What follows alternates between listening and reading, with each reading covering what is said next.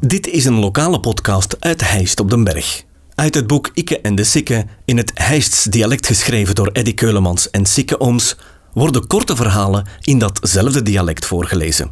Dit vertelselke werd ingesproken door Eddy Keulemans.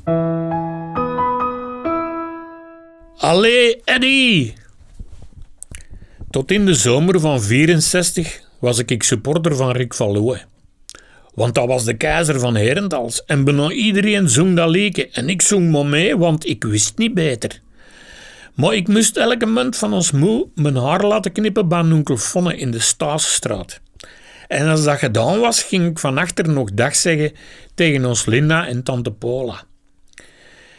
Tante Paula die begon maar zwaar te indoctrineren, want die had een jonge Belgische coureur zien wereldkampioen worden bij de liefhebbers. En die zei tegen mij, Edike, smet dat klaksje van de Rikmo in de stoof, want deze jonge gast redt binnenkort alles in frut van één. En zo werk ik onder luchte dwang van tante Paula, de hevigste supporter aller tijden, van mijn naamgenoot Eddy Merckx. Een jaar of vijf later, in 69, had Eddy juist zijn eerste ronde van Frankrijk gewonnen. En hij kwam toch wel meer in het criterium van Ramenam, zeker?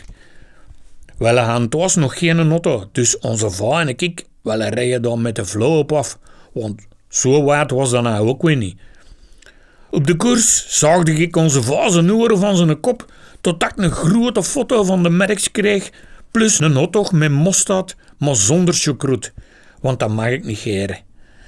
De koers was spannend en op den la mijn favoriet op kop samen met Erik de Vlaming. En in de spurt won de merks. Ik sprong een gat in de lucht. Maar toen riep die kerel achter de micro: Opgepast, opgepast, er is een vergissing gebeurd. Er moet nog één ronde gereden worden. Laatste ronde, laatste ronde. Ja, de Merks was al van zijn vloog gestapt en Erik de Vlaming had zijn nagel laten bollen tot verbaden meet. Dus die had wel 100 meter vuisprong. De Merks vloog dan nog achterlijk een zot, maar dat was maar een klein Turkje en de oude broer van de Roger won toch wel die koers zeker? Ik was helemaal van mijn melk.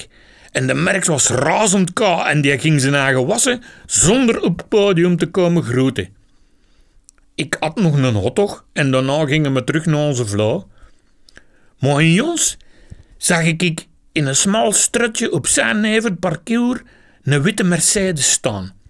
En daar zat een madammeke in die een tipzak frit met mayonaise aan het eten was. Ik zei tegen onze vrouw, kijk daar ze, dat is de notto van die Merks. En zijn wefke zit erin en die is een frit aan het eten. Onze vrouw wou maar niet geloven, maar ik stond al neven die luxfactuur en ik liet me een grote foto zien aan die madame. Claudine, want het was Claudine, die deed teken dat ik langs de andere kant mocht instappen. En vijf seconden later zat ik in die chique auto van Eddie Merckx hemzelf. Heese, houd me een zak frites even vast, zei Claudine. Dan zal ik een handtekening van Eddie op die foto zetten. En zo kwam het dat ik toch nog content met onze naar huis want Eddie had wel niet gewonnen, maar ik had toch van zijn wefke de fruit geproefd. En ik heb deze speciaal geschreven voor tante Paula want zij heeft mij bekeerd tot het ware geloof, het marxisme. Deze podcast kwam tot stand dankzij Huisdresselaars en Tropical. Volg de podcast op Facebook. Reageren kan je via de website ditishijst.be slash ikke en de sikke of ikkeendesikke.be.